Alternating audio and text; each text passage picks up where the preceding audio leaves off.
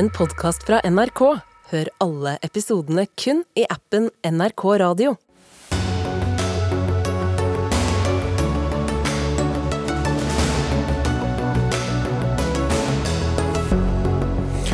Hvordan bidrar Norge nå som Tyskland har lovet moderne tanks til Ukraina?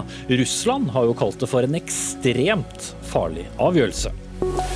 Kan sjøkrabbene ved Svalbard bane vei for at Norge må dele mer på olje- og fiskerettigheter? Svært viktig sak i Høyesterett denne uken. Kirken blander seg inn i regjeringens vindmøllepolitikk. Lurer på hvorfor vindmøller som ble satt opp på samiske reineieres grunn, ikke blir fjernet når Høyesterett sier at de er satt opp ulovlig. Og videregående elever de skulle rapportere om hvor mye de var på mobiltelefonene sine og hva de så på. Da ble læreren rystet. Altså, vi god onsdagskveld og velkommen til Dagsnytt 18. Jeg heter Espen Aas. Ekstremt farlig, det var den korte russiske kommentaren til at Tyskland eh, i dag bekreftet at de vil la Ukraina få Leopard 2-stridsvogner. Og andre land har varslet at de kommer til å komme etter. Og Bjørn Arle Gram, eh, forsvarsminister fra Senterpartiet, vi har 36 av disse stridsvognene. Hvordan skal Norge bidra?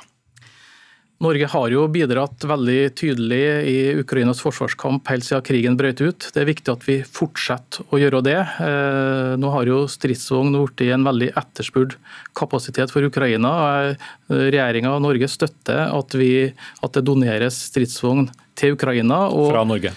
Og Norge skal være med i en sånn donasjon. Mm. Hvor mange stridsvogner kan det være aktuelt å bidra med? Det kan jeg ikke eh, svare på nå. Vi skal bidra. så er det sånn at selvsagt Selve stridsvognsdonasjon er en viktig ting, men det her skal jo understøttes med med reservedeler, logistikk rundt det, trening av ukrainske soldater osv.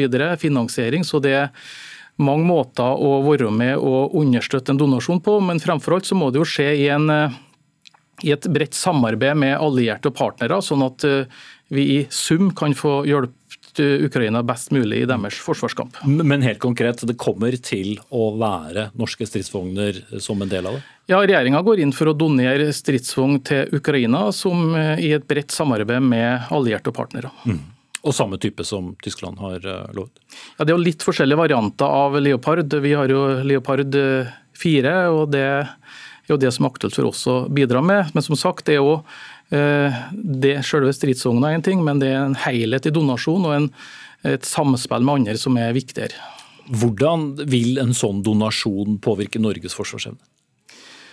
Vi gjør jo løpende vurderinger til å finne den balansen mellom vår egen beredskap og sikkerhet og det å hjelpe Ukraina. Eh, det kan være krevende vurdering av det, men det er også veldig viktig for vår sikkerhet og trygghet at Russland og Putin ikke vinner fram i Ukraina. Og jeg har jo tidligere varsla at eh, vi må se eh, på ytterligere donasjoner fra egne beholdninger og strukturer, fordi at eh, vi skal støtte Ukraina i den fasen de, og den situasjonen de er i nå. Mm. Samtidig som du forteller om dette, Gram, så bekrefter nå USAs president eh, Joe Biden at USA kommer til å sende 31 Abrams stridsvogner til eh, Ukraina ja, Russland har jo for så vidt som kanskje ventet da, eh, kommenterte dette. og eller så Tysklands avgjørelse kaller den ekstremt farlig. Vil det påvirke Norge sikkerhetspolitisk at vi blir en del av dette? Altså, det som er ekstremt farlig, er at Russland har gått til angrep på en fredelig nabo av seg. Det er helt uakseptabelt. og Derfor må vi stille opp for Ukraina så lenge de står i denne kampen vanskelig å kommentere ulike trusler og utspill fra russisk hold, men det er dem som har starta krigen, og det er legitimt eh, for oss og andre å støtte Ukraina. Hvorfor har dere ventet på Tysklands avgjørelse? Jeg mener dette har gått veldig fort. Eh, det var jo et viktig møte på fredag nå i Ramstein i den Ukrainian Defense Contact Group, eh, hvor Norge deltok i de diskusjonene. Vi har jobba med dette over tid, eh, og er der nå at vi kan melde at vi eh, vil støtte det her donasjonsarbeidet og delta i det. Og så er det selvsagt viktige avklaringer som Tyskland kommer med. Men Ville det vært feil om vi hadde kommet med den kunngjøringen du kom med nå, for, eksempel, for et døgn siden?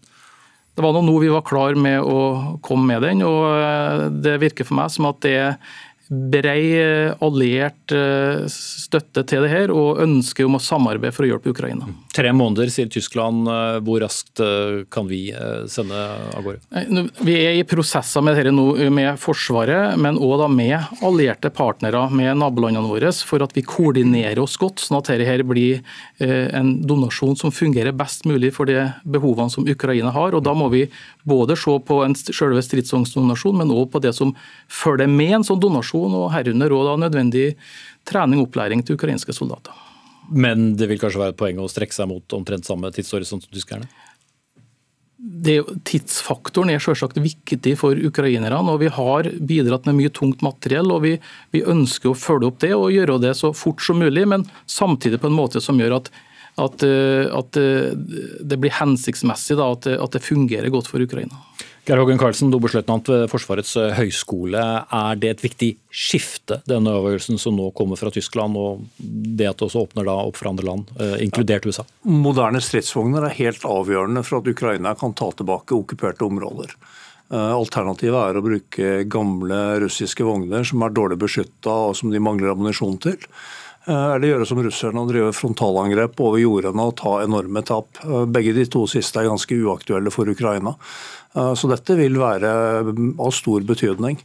Og Det er også veldig viktig at vi gjør det sammen nå. At Ukraina får et betydelig antall tilnærmet like stridsvogner, hvor det er likhet på utdanning og mye enklere logistikk enn at de får små mengder av veldig mange forskjellige typer, som i, i praksis blir svært vanskelig å operere. Men hvis de da er så viktige, er det da også en reell fare for at russiske styrker kan komme til å, å møte dette med en form for opptrapping? Ja, nå er det jo sånn at Russerne har jo brukt alle kapasitetene de har i krigen nå. Det vi ser nå, hvor de graver ned hundretusenvis av mann og driver med disse meningsløse frontalangrepene, hvor de, hvor de kanskje mister hundrevis av soldater, altså drepte hver eneste dag, er jo et tegn på desperasjon, ikke på at de har et uh, trumfkort i ermet. Uh, men det er viktig at hvis man skal iverksette større motangrep for å ta tilbake okkuperte områder, Eh, så kaster man ikke inn en håndfull stridsvogner fra Norge her og noen fra Sverige der og Tyskland der. Man setter det sammen i større avdelinger. Eh, man starter med å trene et stridsvognsmannskap på, på, fire personer, og så skal dette settes sammen i, i, tropper på fire, og så større og større avdelinger, bataljoner på noen titalls, og, og settes sammen med artilleri og infanteri som sikrer det. Så Det er liksom ikke bare hardware og vogner det er snakk om her, det er snakk om å bygge opp avdelinger som slåss på en moderne måte. Mm. Og, og som må planlegges. Det, det må planlegges. Så det tyske tallet på tre måneder, eh, det tror jeg er en, en god pekepinn på, på hva vi prater om. Eh, realiteten er at vinteren går nå, og så får vi en sånn vårløsning hvor alt er gjørmete. Og En eller annen gang utover våren-sommeren så har ukrainerne satt dette sammen og er i stand til å operere det i en meningsfullt meningsfull større avdeling. Mm. Karsten Friis, eh, seniorforsker ved NUPI, Norsk utenrikspolitisk institutt. Hvorfor drøyde det såpass lenge, som mange syntes da, for tyskerne å ta den endelige avgjørelsen? Det har nok vært en politisk modning, ikke bare i Tyskland, men i, i alle vestlige land. Vi har gitt stadig tyngre våpen ettersom krigen har utviklet seg. Og vi har sett det til hvordan Russland opererer. Eh, vi begynte kanskje med Butsja, saker disse massakrene der, og også mer og mer ser terrorbombing og slike ting. Og Ukraina har til gjengjeld oppført seg ganske profesjonelt, sånn at, sånn at modningen eh, har skjedd. Og, Vi ser det på retorikken også. I, begynnelsen sa man liksom at Ukraina, Russland skal ikke vinne. Eh, nå sier politikere rett ut at Ukraina skal vinne. Og Det er en liten nyanseforskjell der.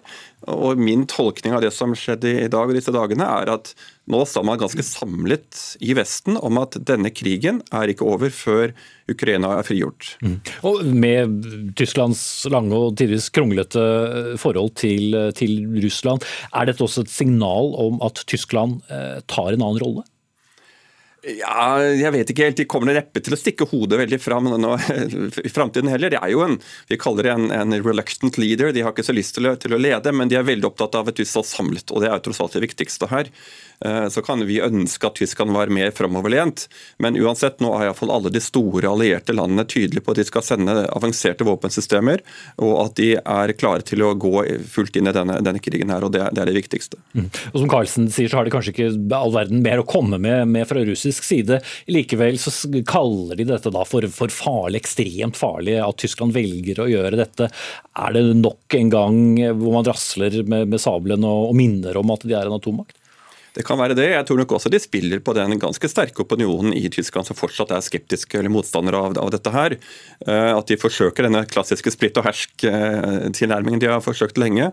Um, og så har de truet med atomvåpen som du sier, helt siden første dagen med krigen, uten at man har si, det har skjedd noe med det. Og, og, det man har tenkt i Vesten, har lært at vi skal ikke la den slags trusler diktere hva vi gjør. Eh, og regner med at de er ikke suicidale i, i, i Kreml heller, så at dette, dette går bra. Mm.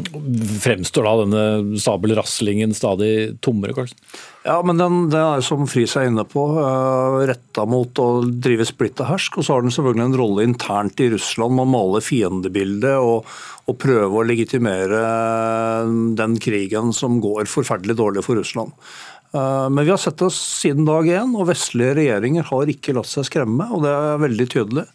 Eh, og det har blitt tydeligere og tydeligere at jo mer brutalt Russland farer fram, jo mer står Vesten sammen, og jo mer er vi villige til å gi tunge våpen. og og egentlig den konklusjonen som Friis er inne på her, at uh, vi er nå et sted hvor, hvor vi, ukrainerne må få lov til å vinne. Mm. Men, men, blir det også det blodigere, og blir det da også en, en, mer eh, blodig og intens fase vi kommer til å gå inn i når ukrainerne får tyggreskyts?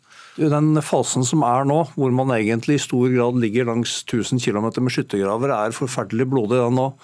Eh, så i beste fall så kan disse panseravdelingene brukes til å utmanøvrere, omringe fienden, avskjære dem. Eh, og kanskje få dem til å overgi seg, istedenfor å drive og slå hverandre i hæl med frontalangrep dag etter dag. Mm. Bjørn Gram, eh, det er nå engang slik at vi deler denne grensen vi gjør da med, med, Russland i nord. Hva sier du til de som blir bekymret over at Norge er da enda mer delaktig fremover? Nå har jo bidratt med god støtte til Ukraina gjennom snart et år, og har tenkt å fortsette med det. Og jeg mener Det aller farligste for oss og for fred og frihet i Europa er jo at Russland skal vinne fram med denne type framferd og aggresjon. Det, det, går ikke. og vi må, vi må støtte Ukraina eh, i deres forsvarskamp, men det handler òg om vår situasjon og om hvordan eh, Europa skal utvikle seg. Takk skal du ha, Bjørn Arne Gram, forsvarsminister fra Senterpartiet. Norge kommer altså til å bli en del av eh, de som sender stridsvogner til Ukraina. Takk også til Geir Hågen Karlsen, oberstløytnant ved Forsvarets høgskole, og Karsten Friis, seniorforsker ved NUPI.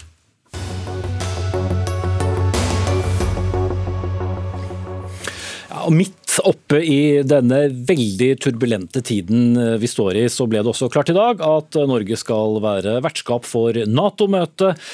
31. mai og 1. juni. Det er et eh, uformelt utenriksministermøte der formålet er å forberede Nato-toppmøtet som skal være i Vilnius i Litauen da i juli. Og utenriksminister Anniken Huitfeldt, hva betyr det at vi skal arrangere dette? Hva betyr det for oss? Det betyr jo mye at utenriksministrene møtes mer enn før. For når vi sier at de allierte har klart å stå sammen, så innebærer det at vi har klart å forene holdningene våre, at vi har utvikla den samme strategien, at vi sier det samme om Russland. Og det krever jo en del arbeid, det krever at vi snakker mer sammen. Og nå møtes utenriksministrene i stadig større grad. Og det høres ut som et uformelt ministermøte. Det høres kanskje litt mer uformelt ut enn det egentlig er, da. Men det det betyr i realiteten er at det ikke fattes vedtak og at vi forbereder da det som er toppmøtet. Mm. Og Toppmøtet det, det, er, det, er, noe annet, for det er det statsministeren, det er det toppen som er der, i tillegg til forsvarsministeren og jeg, og forsvarsministeren og utenriksministeren i alle Natos land. Samtidig som eh, veldig mange utenriksministre naturlig nok er eh, opptatt av situasjonen i Ukraina, så er det jo Sverige og Finland også, så, og forholdet til eh, Tyrkia, eller Tyrkias forhold til Sverige snarere, som har blitt en slags hodepine innad i Nato. Kommer da Tyrkias utenriksminister? Ja. Han kommer jo alltid på disse møtene. Vi har god dialog med han, og dette har jo vært et uh, tema for flere av de møtene vi har hatt den siste tida. Jeg har god tro på at eh, vi får gjennomslag på dette, men eh, når det kommer, det er jo usikkert. Mm. Ut fra signalene som har kommet, så, så, virker det som Tyrkia tar seg uh, god tid her. Da. Kan dette møtet i Norge også bli et sånn avgjørende tidspunkt hvor det vil øves uh, hva skal vi si, litt moderat press da mot uh, Tyrkias utenriksminister i, i spørsmål om vårt naboland just? Vi, vi, snakker jo sammen, men det kommer jo helt sikkert ikke til å bli fatta vedtak her i Oslo. For da er det mer forberedelser til dette toppmøtet som skal være i Vilnius seinere. Men det som er viktig for meg også, er jo å fortelle folk om situasjonen i nord. Ehm, det som er våre trusler i våre områder, og det å skape større interesse for det og større forståelse for det blant alle eh, Natos medlemsland, det er veldig viktig for meg, for det handler om Norges sikkerhet. Mm. Og som vi har vært inne med når vi snakket med din eh, kollega forsvarsministeren eh, nettopp, så tar jo Norge da også en, en litt annen rolle kan man si fremover ved å skulle levere da også tanks til Ukraina på, på sikt. Tenker du som utenriksminister også at det gjør, gjør vårt forhold til Russland enda mer anspent? Nei, det gjør ikke det. Vi er veldig forutsigbare. Ehm, vi bidrar til eh, minst mulig misforståelser i nord og gjør det vi kan for å holde spenningen nede. Men det har vært klart eh, for Russland fra første stund at her står vi på Ukrainas side. Og det kommer vi til å fortsette å gjøre. Mm, det, det, handler også om vår egen sikkerhet. For hvis vi lar da stormakter true fram, ture fram på den måten som Russland her gjør, så vil det til sjuende og sist også ramme oss. Mm. Det viktigste for deg som utenriksminister å få ut av dette uformelle eh, møtet 31. mai og 1. juni? Det er en samla beskjed til Russland om at vi står på Ukrainas side, og vi skal fortsette å gi dem hjelp på alle mulige måter. Mm. Noen måneder igjen ennå. Takk skal du ha, Anniken Huitfeldt, utenriksminister fra Arbeiderpartiet.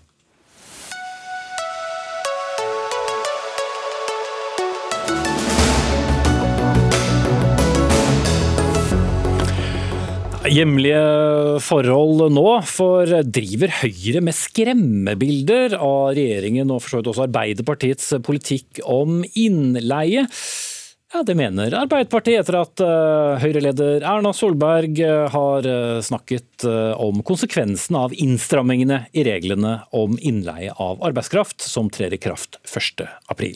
I Aftenposten sa Solberg at det var noe det første hun ville endre dersom hun får regjeringsmakt etter neste stortingsvalg. Men det er jo skremmebilder hun driver med, Tuva Moflag. Men det blir ganske store endringer?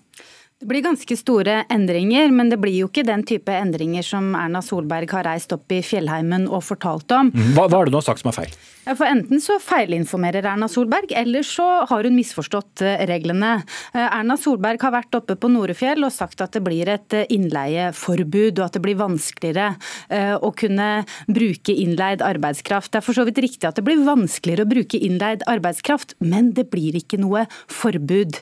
For en bedrift som Norefjell Fjell ski og spa, som var dette caset i Aftenposten-saken, så kan jo de etter avtale med sine tillitsvalgte fortsatt leie inn fra bemanningsbyrå. Så å fremstille dette som et forbud er jo å skape en usikkerhet i bransjen. Hva skulle hun sagt da? Hvilke ord skulle hun ha brukt? Det ble vanskeligere?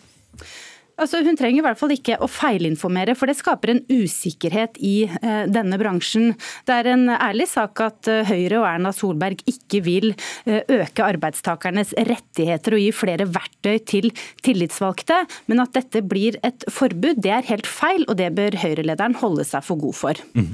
Hun uh, var for travel til å komme hit, men første nestleder i Høyre og, og stortingsrepresentant Henrik Asheim, uh, burde hun ha brukt akkurat de ordene? Ja, det burde hun absolutt. Og det var jo heller ikke hun som brukte de ordene, det var de som drev nettopp Nordfjell ski og spa som brukte de ordene. Det var de som beskrev den situasjonen de er i nå. Og jeg tror kanskje Arbeiderpartiet og regjeringspartiene hadde stått seg godt i å reise litt mer ut og besøke de bedriftene som nå får et regelverk som de sliter med å håndheve. For det som de selv beskriver, det er jo at eh, ja da, de er et hotell som har 100 faste ansatte. De ligger i en kommune med i underkant av 2500 innbyggere. Eh, og Allikevel så har de da sesonger hvor de har 350 ansatte. De håndterer det gjennom sesongarbeidere. Men la oss si at noen kommer og sier at NRK da, skal ha kickoff og bestemmer seg for å ha middag der.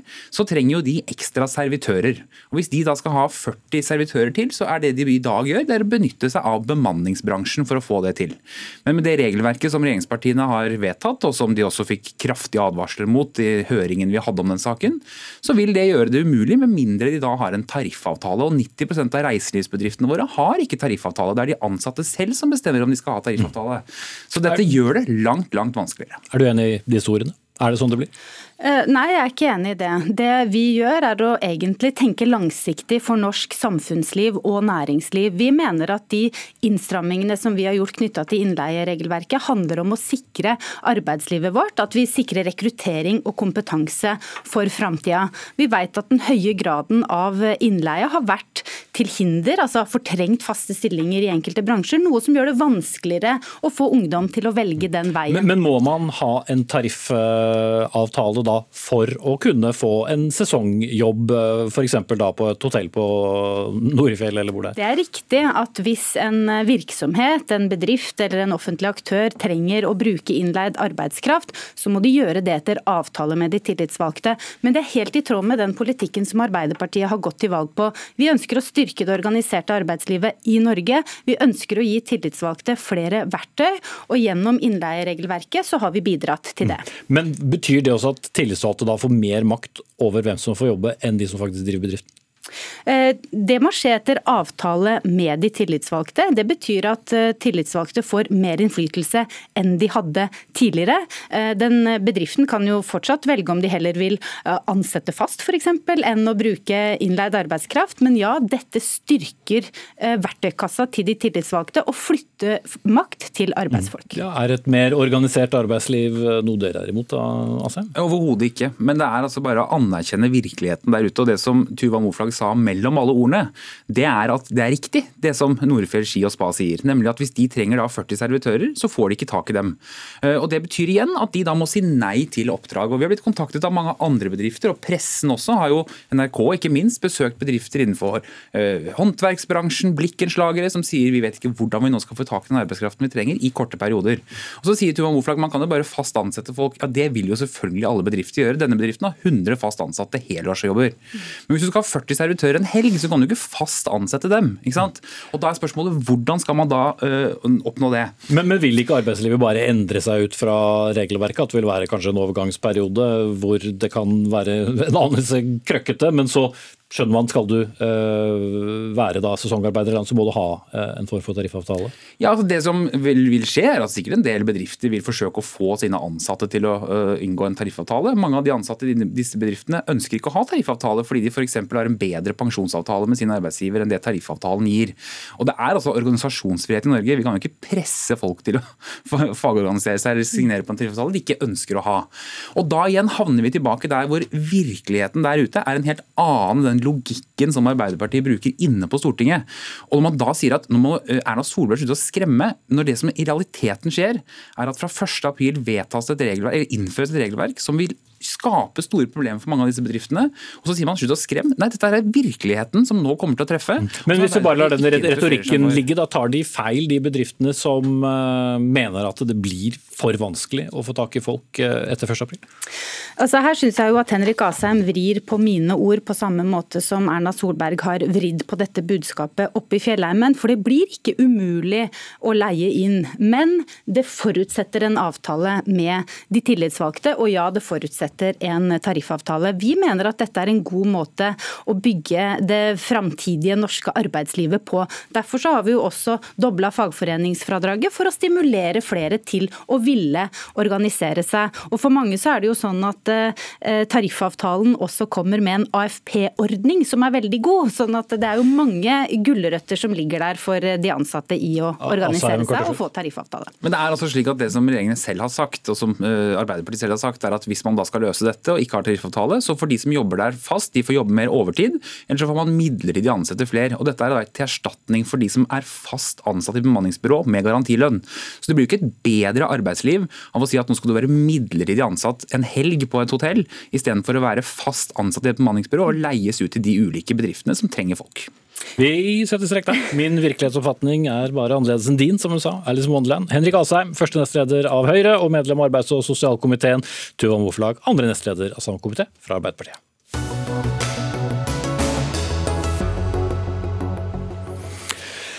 Selv før den er ferdig, så har høyesterettsbehandlingen av den eh, såkalte snøkrabbesaken blitt omtalt som historisk flere ganger.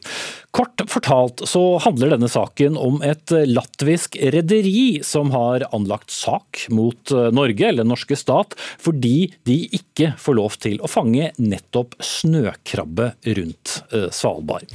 Og på vei inn i studio, Øystein Jensen, seniorforsker ved Fridtjof og institutt og professor i rettsvitenskap ved Universitetet i Sørøst-Norge. Hva er det som gjør denne saken så spesiell at eh, flere bruker ordet historisk om den før den er ferdig i Høyesterett?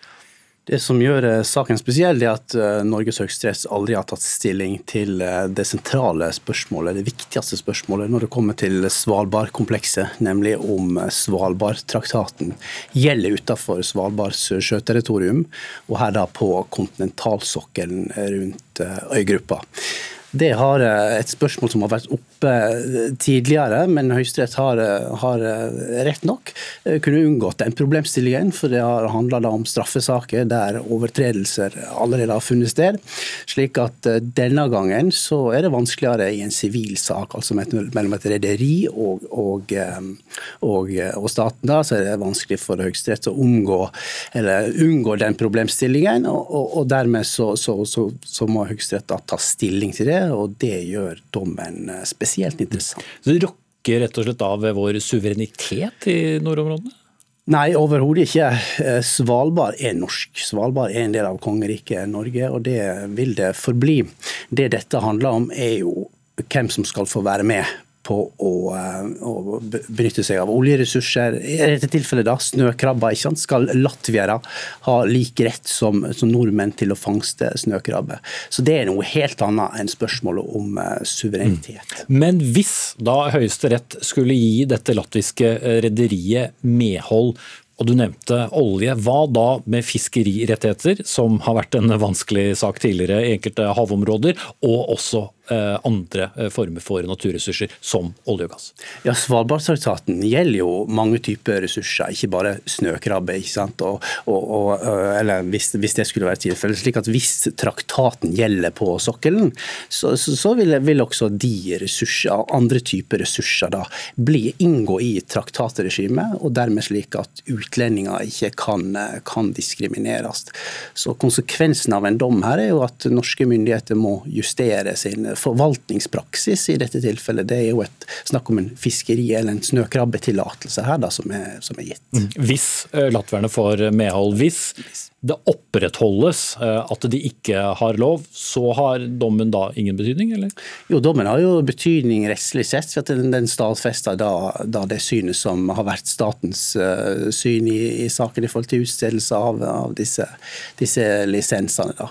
Så dommen vil uansett ha, ha betydning, men, men, men, det vil jo være litt mer oppsiktsvekkende da, hvis, de, hvis de lar traktaten komme til anvendelse på, på sokkelen. For det får så store konsekvenser. Kjetil Kolsrud, du er redaktør og daglig leder på nettstedet Rett24. Denne saken her er jo spesiell på, på, flere måter, og ikke minst det at for første gang kan da faktisk publikum sitte hjemme og følge en høyesterettssak direkte i det som eh, ja, for så vidt er Norges staseligste rettslokale. Eh, hvor spesielt er det som nå skjer? Jo, det at uh, altså, Domstolene er jo åpne, så alle kan i utgangspunktet komme og se på en virksomhetsrettssak. rettssak. Uh, men det er jo ikke vanlig at disse blir uh, TV-overført. og Det er en etterlevning fra koronatiden. Da innførte man en midlertidig bestemmelse som åpnet for at man kunne eh, kringkaste. og Den man ble i fjor gjort eh, permanent, slik at Høyesterett nå for aller første gang kunne da sende en ordinær eh, forhandling live. og den, De som ønsker å følge med på dette, her, som jo er relativt komplisert ting, som du akkurat hørte, eh, de kan gå inn på Høyesteretts side, eller på Rett24 for så vidt, og se streamen der fra 09 til 14.30 hver dag denne uken. ja, også, og det så er det blitt gjort et poeng ut av også vel fra deg at uh, denne saken da går i plenum. Hva betyr det, og hvorfor er det spesielt? Jo, det, det, at saken går i plenum betyr at, uh, at den er særlig viktig. Høyesterett opererer på den måten at de vanligvis bruker fem og fem dommere av gangen i det de kaller avdeling. Men i særlig viktige saker av stor betydning så kan de kalle sammen hele Høyesterett i plenum. og Da er alle dommerne i Høyesterett med, med mindre de er forhindret på en eller annen måte. Dette er en slik sak, og det er gjerne en sånn, en sånn sak i år omtrent, uh, statistisk sett. Og dette her er en og det, det, signaliserer viktigheten av den saken, og som, eh, som, vi var inne på her, at dette her har stor betydning for norske interesser i nordområdene. Eh, og berører litt sånn fundamentale spørsmål om eh, Norges råderett over disse havområdene. Så dermed er det ikke så tilfeldig at det ble nettopp denne saken som skulle bli den første direkte overførte da fra Høyesterett? Nei, absolutt ikke. Og jeg tror nok ikke Høyesterett kommer til å sende hver eneste sak de behandler, for da, da, det blir ressurskrevende. Men for de må sette opp kameraer og, og følge med på dette og sånne ting. Men da valgte de denne saken fordi den har særlig stor betydning. Og øh, sannsynligvis vil vi kanskje senere også få se da de disse viktigste sakene kunne eh, bli overført på den måten her. Og Det er jo et flott fremskritt for offentligheten i domstolene, det må vi bare si. Mm. Tilbake til selve saken, Øystein Jensen. Den har jo da gått i, to rettsinstanser før dette, og derfor den nå har eh, endt i, i Høyesterett. Men hvis du ser det litt sånn fra utsiden, at et, et rederi fra et, eh, et land ganske langt unna Svalbard anlegger sak mot den norske stat, og så ender den opp i Høyesterett, hvor så mye eh, kommer i spill som, eh, som, det du sier. Det må da være ganske unikt, eller? Ja, det er så unikt. Det, det, har vært saker tidligere i forbindelse med, med tjuvfiske osv. Og, og da er utlendinger som har, har gått til sak i, i, forbindelse med Eller blitt til, bli tiltalt da, eh, for, for, for tjuvfiske i havet ved Svalbard. Så, men, men, det som er unikt her, igjen tilbake til det, eller spesielt her, er jo at denne saken når da helt opp til Høyesterett. Og vi får da en prøving av det substansielt interessante spørsmålet, nemlig spørsmålet om traktatens eh, anvendelsesområde. Mm. Men det at de kommer Latvia og vil, vil fangste snøkrabbe her, sier jo at det er interesse for, for, dette området, da, eh, ressursmessig. Og for de som nå ble fryktelig interessert og har tenkt å begynne å, å følge med på dette, når får vi en avklaring av dette viktige spørsmålet? Ja, det vet ikke jeg. Det, kan fort gå noen måneder. Men det spørs hvor fort Høyesterett jobber med saken, hvor fort de skriver eh, dommen sin. Mm. Kjetil Kåser, du er jo over gjennomsnittet interessert i alt som skjer i rettssystemet. Du driver dette nettstedet Rett24. Hvor, tro, hvor, stor tror du interessen er blant det norske folk om en snøkrabbesak i fullsatt høyesterett? Eh, jeg tror nok ikke interessen eh, altså Det er jo ikke veldig publikumsvennlig å sitte og følge disse forhandlingene. De er tekniske og de er kompliserte og det er mye detaljer. Men eh, jeg tror jo mange synes vil være interessert i å se hvordan det foregår i praksis. Og så er det jo en gang slik at dette her berører ganske fundamentale norske interesser, så jeg vil jo anbefale folk å titte inn med det. Mm. Komplisert, men uhyre viktig. Takk skal dere ha. Øystein Jensen, seniorforsker ved Fridtjof Nansen institutt og professor i rettsvitenskap ved Universitetet i Sørøst-Norge. Og med oss på linje Kjetil Kolstrud, redaktør og daglig leder for Rett24.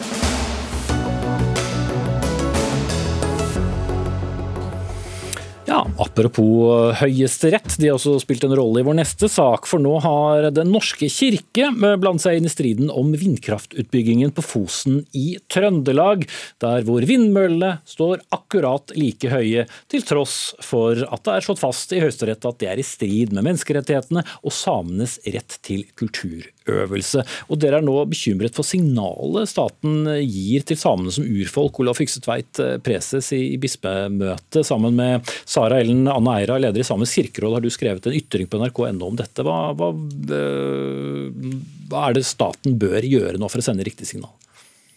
Det er å finne løsninger som de som er ramma av dette, altså de samiske rettighetene som samebefolkninga på Fosen eh, har. Eh, kan leve med, og kan si at dette er en løsning.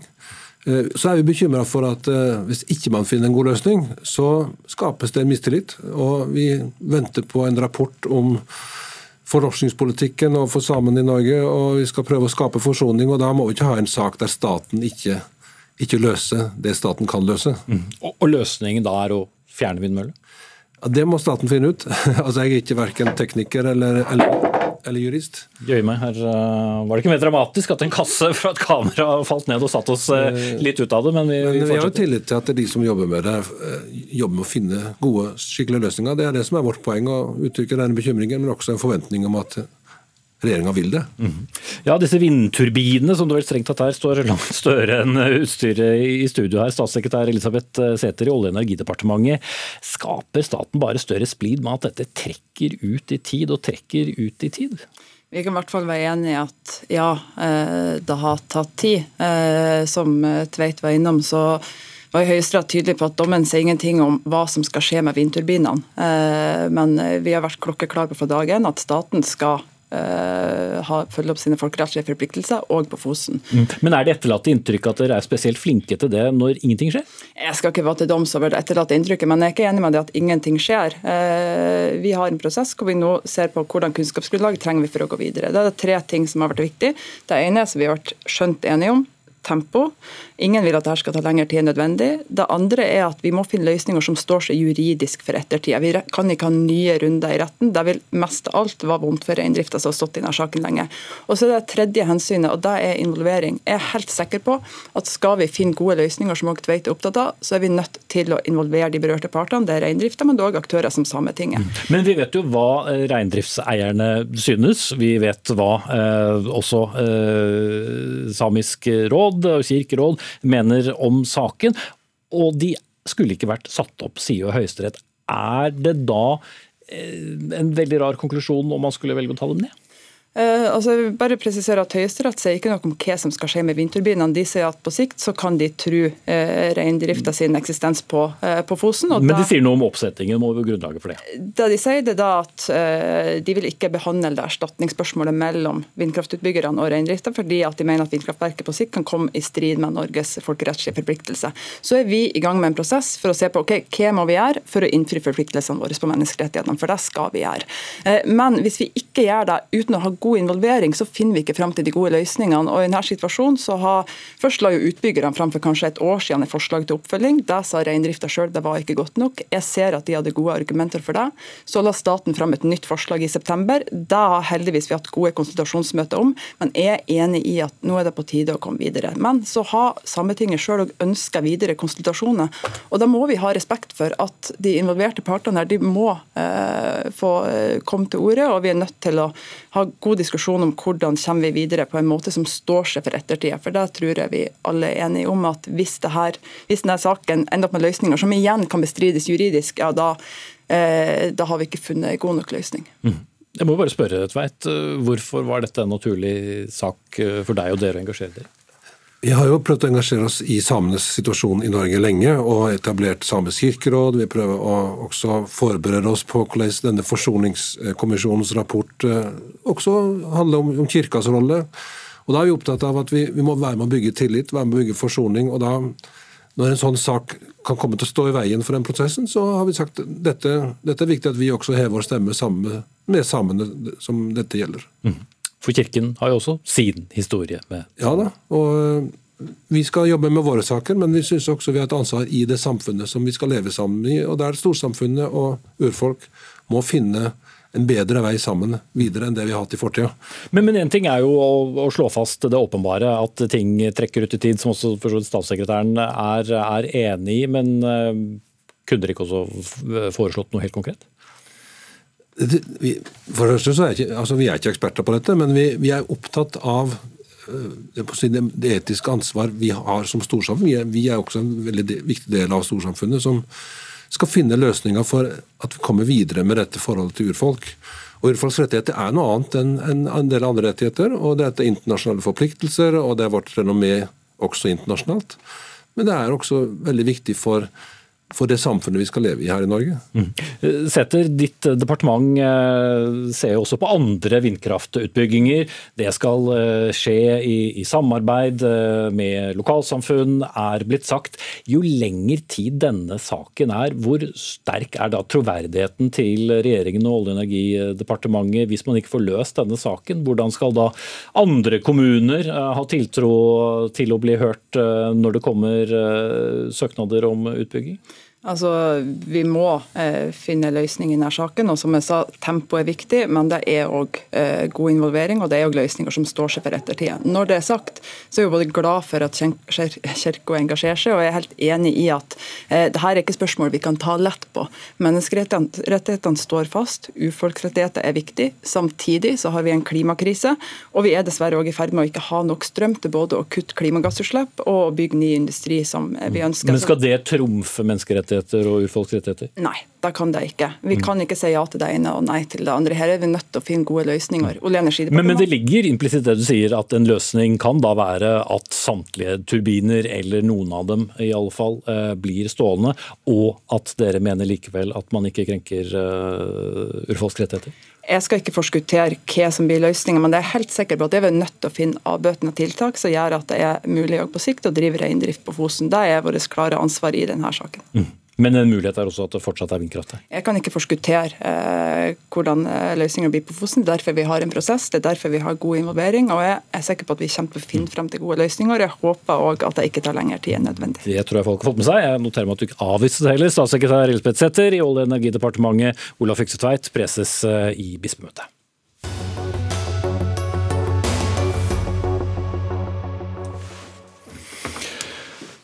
Utrolig hendig, utrolig nødvendig og en utrolig tidstyv. Den alltid tilstedeværende mobiltelefonen som vi hele tiden er innom for å sjekke noe.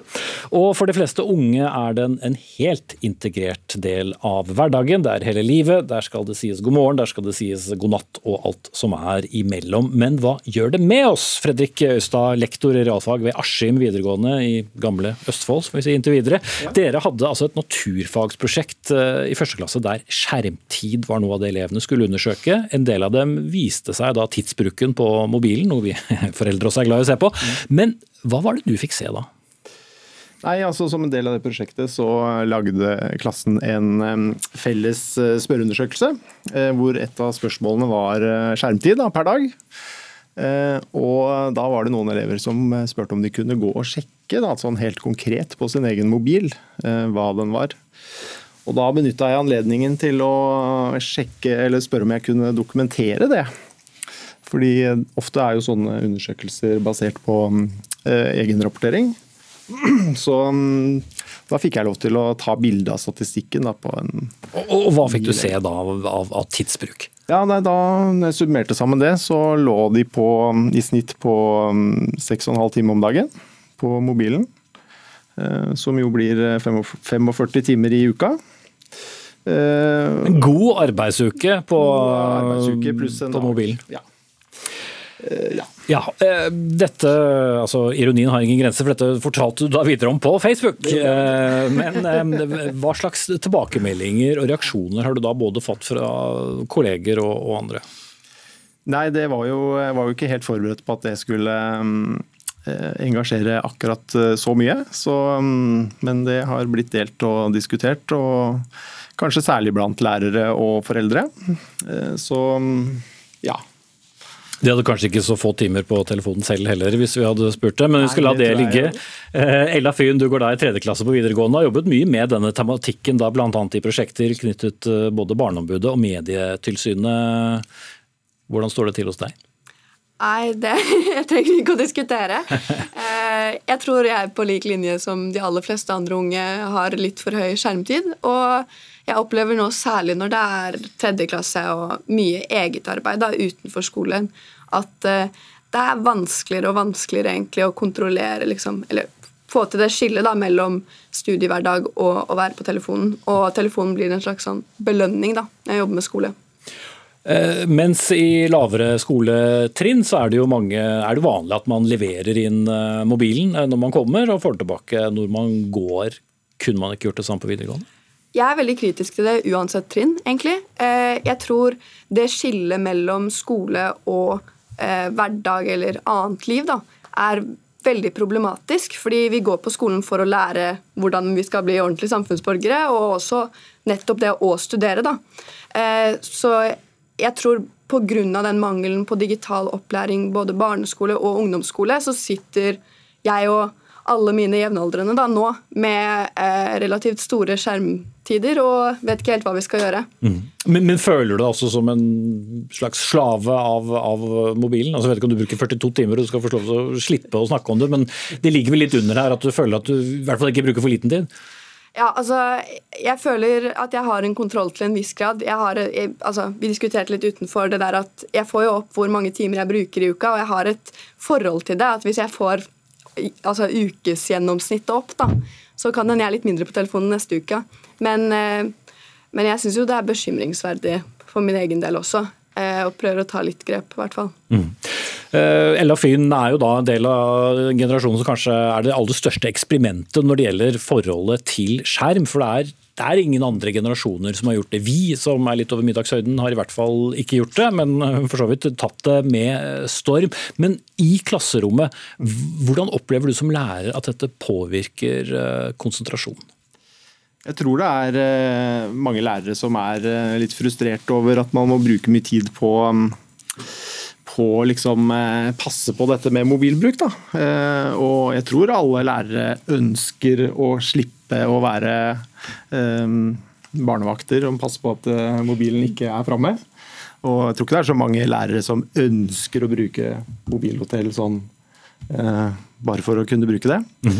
Men, men, dette er jo mennesker som snart er uh, juridisk sett uh, voksne, tar større og større ansvar uh, for egen læring, som man gjør når man går på videregående. Er da løsningen at du og andre må ha en sånn slags voksenrolle på, på mobilbruken, eller hva, hva Nei, som sagt, det hadde vært veldig deilig å slippe. Og jeg gikk jo, som jeg skrev i det innlegget, var veldig optimistisk i starten og tenkte at dette er eh, noe som jeg kan, hvis jeg bare jobber med å bevisstgjøre elevene eh, på at eh, dette må de øve seg på, og det er en ferdighet som de kan trene opp, og, og sånn, så, så, kan de ta det ansvaret sjøl. Mm. Men hvordan kommer vi dit? Det er vel ikke alt det de ser på på mobilene som er like godt å se som voksen heller, ut fra innlegget ditt? Nei, det er det jo helt klart ikke, og det er jo annen, et annet aspekt av dette her, da. Som mm. går kanskje mer på innhold, eller upassende innhold som eh, disse appene ikke klarer å filtrere bort da, før mm. det når brukerne. Jeg vet ikke om det helt var et rop om hjelp fra, fra Ella Fyn ved din side her, men hva, hva kan vi gjøre? Hva, hva, slags bevisstgjøring eh, skal til, og hjelper det om sånne boomere som deg og meg og andre gjør det? ja. Nei, altså jeg tror jo jeg er jo ikke ute etter noe forbud, sånn sett, men, eh, men, jeg tenker at eh, det kan være nyttig å kjenne til mulighetene som ligger i å sette begrensninger da, i, eh, gjennom foreldrekontroll. Så har jo både Apple og Google muligheter til det. Og det trenger jo ikke å være sånn veldig, veldig diktatur, men det kan jo bl.a. brukes som en påminnelse om at nå har du brukt tre timer på mobilen i dag. Mm. Hadde det hjulpet for deg, Finn? Eh, jeg tror det der med begrensninger er viktig. Og sånn viktig å forstå det der med Når jeg sier mobilforbud, så tenker jeg sånn Det tas inn i et mobilhotell og låses bort. Eh, men det skal selvfølgelig, altså telefonen skal selvfølgelig stort sett hvert ikke være en aktiv del av naturfagstimen. da. Eh, og Det er jo da det er viktig med den gode digitale kompetansen å klare å liksom sette den grensa. Da, at nå skal vi følge med på presentasjonen, nå skal vi legge ned PC-ene. Og bare sånn med PC, for eksempel, da. På min skole så har lærerne begynt å si at eh, nå trenger dere ikke å ta notater, så nå kan dere legge ned alt. Og da, da er det et skift, for liksom, da, da, skal vi gjøre det. Og da er det liksom kollektivt greit at vi gjør det. Og jeg tror på en måte den innstillingen til det fra en tidlig alder da, ville kunnet endre vanene våre, men det er jo selvfølgelig vanskelig å vite uten ordentlig forskning på det. Mm. Eh, Pernille Husby, direktør for uh, avdeling for kommunikasjon og rådgivning i Medietilsynet. Du har sittet og hørt på. Hva, hva sier uh, de tallene vi har? Hva vet vi om, uh, om skjermbruken? Her hører vi noen modige arbeidsuker på mobilen som vel overgår arbeidsmiljøloven? Ja, vi vet jo ikke helt konkret om tidsbruken til disse ungdommene. Eh, men vi vet jo at alle har eh, telefon. Alle har, eh, bruker, så godt som alle, er på de forskjellige sosiale mediene som vi har nevnt. Og at livet deres er på en måte helt eh, sammenfiltra, det fysiske livet og det digitale. Så dette går så hånd i hanske at det ikke er mulig å skille. Eh, så det er ikke veldig overraskende at tidsbruken er så høy. Eh, og man skal ikke ha sett så mange ungdommer heller før man skjønner at det, her, det er sånn livet deres er. Eh, og så tror jeg vi er inne på noe veldig viktig, å eh, både hjelpe ungdom i å, å, klare å regulere noe selv. Eh, både selvfølgelig i skolen, det å gi beskjed om at nå er det tid for å legge bort skjerm. Men også å, å bevisstgjøre hva, hva, slags mekanismer er de utsettes for. Så vi er i ferd med å lansere et, et undervisningsopplegg som skal gjøre mer liksom, for forstå hva det er som gjør at vi bare blir mer og mer eh, inne i å måtte svare eller være tilgjengelig for andre, og hva, hva det trigger i hjernen når man, eh, når man er f.eks. på sosiale medier. Mm. For eh, Ella, hvis du hadde selv følt at det var en slags belønning i å legge bort mobilen, snarere enn den belønningen det er i å få en oppdatering eh, ved å ta den opp, ville det endret det? Jeg vet ikke. Det er jo eh, Jeg tror ikke mobilen kom, sin rolle kommer til å endre seg i den forstand om det er noe positivt eller negativt. Hadde det vært eh, Eller om jeg ikke hadde hatt liksom positive tanker rundt mobilen min, så hadde jeg jo ikke brukt den så mye. Eh, så jeg tror nok ikke det endrer seg, men jeg tror også det blir litt feil fokus å ha, kanskje. Vi må anerkjenne, sånn som du sa, den rollen som mobilen har for oss unge. og det har jo, i hvert fall for min generasjon, vært en veldig på en måte glidende del av vår oppvekst. Eh, så viktig å anerkjenne det positive ved det også. Eh, jeg tror det også er viktig for å få med oss unge i den reguleringen. da. Eh, at ikke det blir at telefonen er en slags på en måte djevel, da, og at vi skal forby den for alt det er verdt. Eh, jeg tror det blir veldig ukonstruktivt inn i voksenlivet. Mm. Det blir litt som å si til yngre generasjon at du ser altfor mye på TV eller hører altfor mye på radio. eller ja. Ser altfor mye på Dagsnytt 18. Ja, det skulle ta seg ut. Nei, uh, men, men det, jeg tenker jo at uh, i vår, vår, ferske undersøkelse om barn og medier 2022, uh, eh, hvor barn blir, og, og, ungdom opp til 18 blir spurt om mobilbruken deres, så er det jo f.eks. For, for jenter i videregående alder, videregående skole, halvparten av de som sier at de skulle ønske de klarte å logge seg av oftere. Eh, og en, 30 ca. som melder om at det går utover søvn. Så det er klart, det at de selv opplever at det er noen problemer her, eh, gjør jo også at vi har en anledning til å snakke om dette på med utgangspunkt i det de opplever selv som en utfordring. Eh, så Derfor tenker jeg jo at både skolen har en anledning til å snakke om det og fortelle om hvilke gevinster det er å, få sove litt mer og, og, være tilgjengelig for andre, ikke bare digitalt. Eh, også vi som fra myndighetshold, selvfølgelig. Mm. Jeg regner med at alle tre kommer til å ta på mobiltelefonene sine når de kommer ut av studio. Og jeg vet også at alle dere ekspertene på Twitter har løst dette for lengst. Men eh, takk skal dere ha. Pernille Husby, direktør for avdeling kommunikasjon og rådgivning i Medietilsynet. Ella Fyn, videregående elev. Og Fredrik Øyestad, lektor ved realfag ved Askim videregående.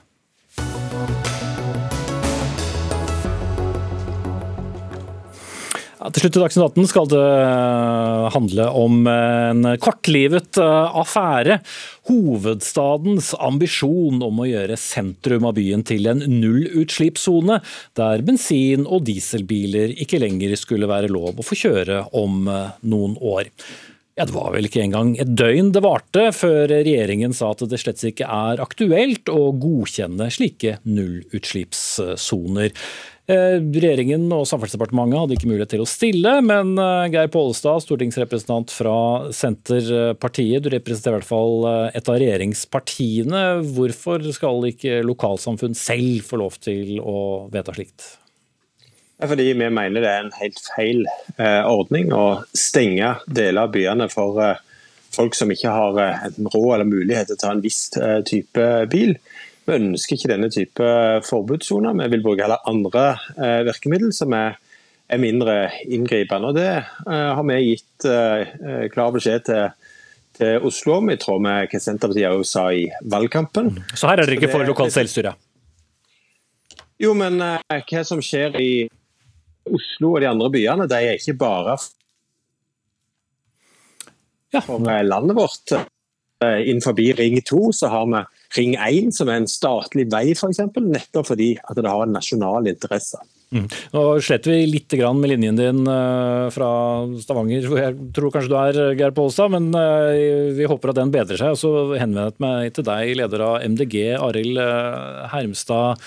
Noen vil jo si at det å kjøre bil i sentrum av Oslo eller mange andre av de storbyene i Norge er så krøkkete uansett. Så om det er et forbud eller ikke, så gjør det ikke så stor forskjell?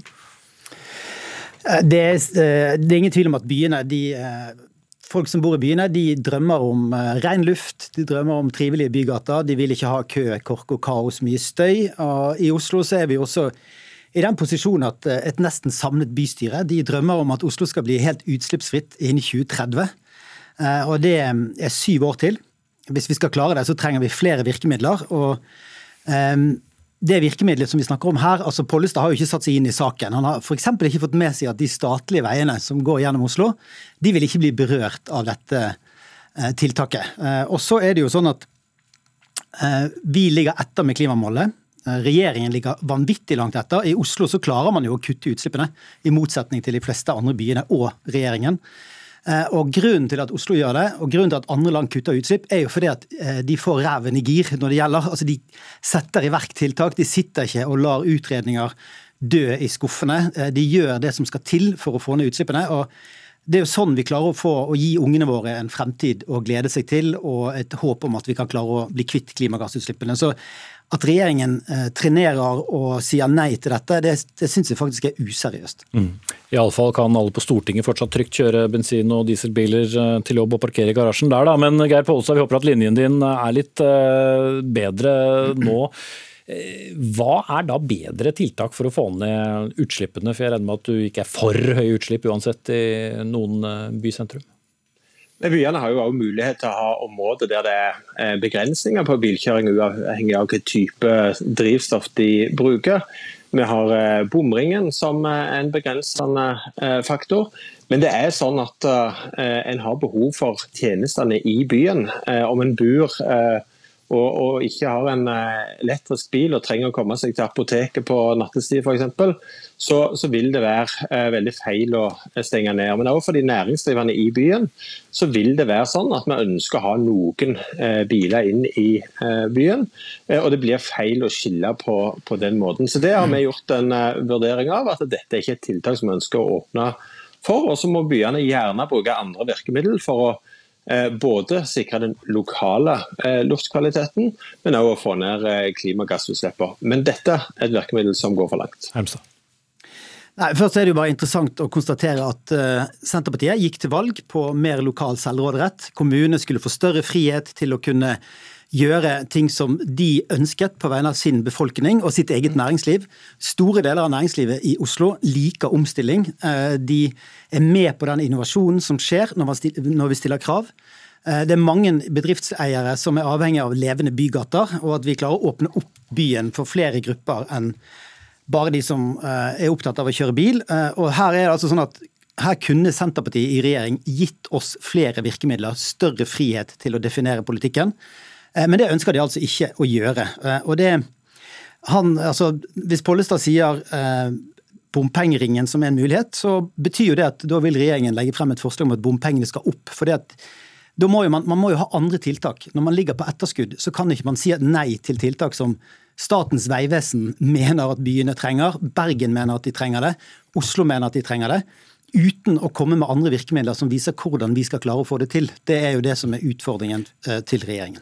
Er det en grei konsekvens, Pollestad?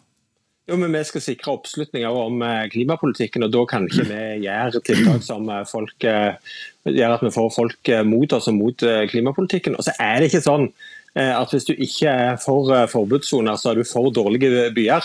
Det er fullt mulig å lage gode byer der det er godt å bo, der det er godt å gå, der det er godt å handle. Eh, og ha begrensninger på biltrafikken. Men det er denne skillet at hvis du ikke har råd til en Tesla, nei, da er du stengt ute av eh, byen. Det, det finnes billigere elbiler da, vi trenger ikke ta den diskusjonen. Det kommer, å, det kommer til å være folk av de neste årene som kjører bensin- og dieselbiler. Og som har behov og nytte for å komme inn i byen, enten de bor i byen eller de bruker byen. Eh, og Det er de vi ønsker å legge til rette for, at de fortsatt skal komme inn. Vi går mot slutten, men Hermstein, bare stille deg et konkret spørsmål. Altså, i, I mange norske byer det er jo færre biler i sentrum, nettopp fordi lokale myndigheter bestemmer at her skal det være gågate, her fjerner vi alle parkeringsplasser, her fjerner vi innkjøring. så Kommer man ikke dit av seg selv, må man absolutt ha et totalforbud mot uh, diesel og, og bensin? Altså, problemet er jo at uh, friheten til folk som lider av astma, eller som uh, syns det er utrivelig å gå ute når det støyer mye, særlig fra eksosbiler, den fratas jo de når vi ikke får muligheten til å stille den type krav. Og så er det jo sånn at Vi har jo oppslutning om denne politikken. I Oslo skal vi ha nullutslipp innen 2030. 155 000 mennesker får det bedre hvis vi har en nullutslippssone innenfor Ring 2. Eh, og Det er jo en måte å få med seg folk på de tiltakene som vi trenger for å gi folk en bedre fremtid. Men vi er ikke der nå også. Arild Heimstad, leder av MDG. Geir Pollestad, stortingsrepresentant fra Senterpartiet. Dagsnytt 18 er eh, utslippsfri som sådan, og vi er ferdig med dagens sending. Ansvarlig for den, Anne Katrine Førli. Vegard Erstad tok seg av tekniske. Jeg heter Espen Aas. Takk for nå.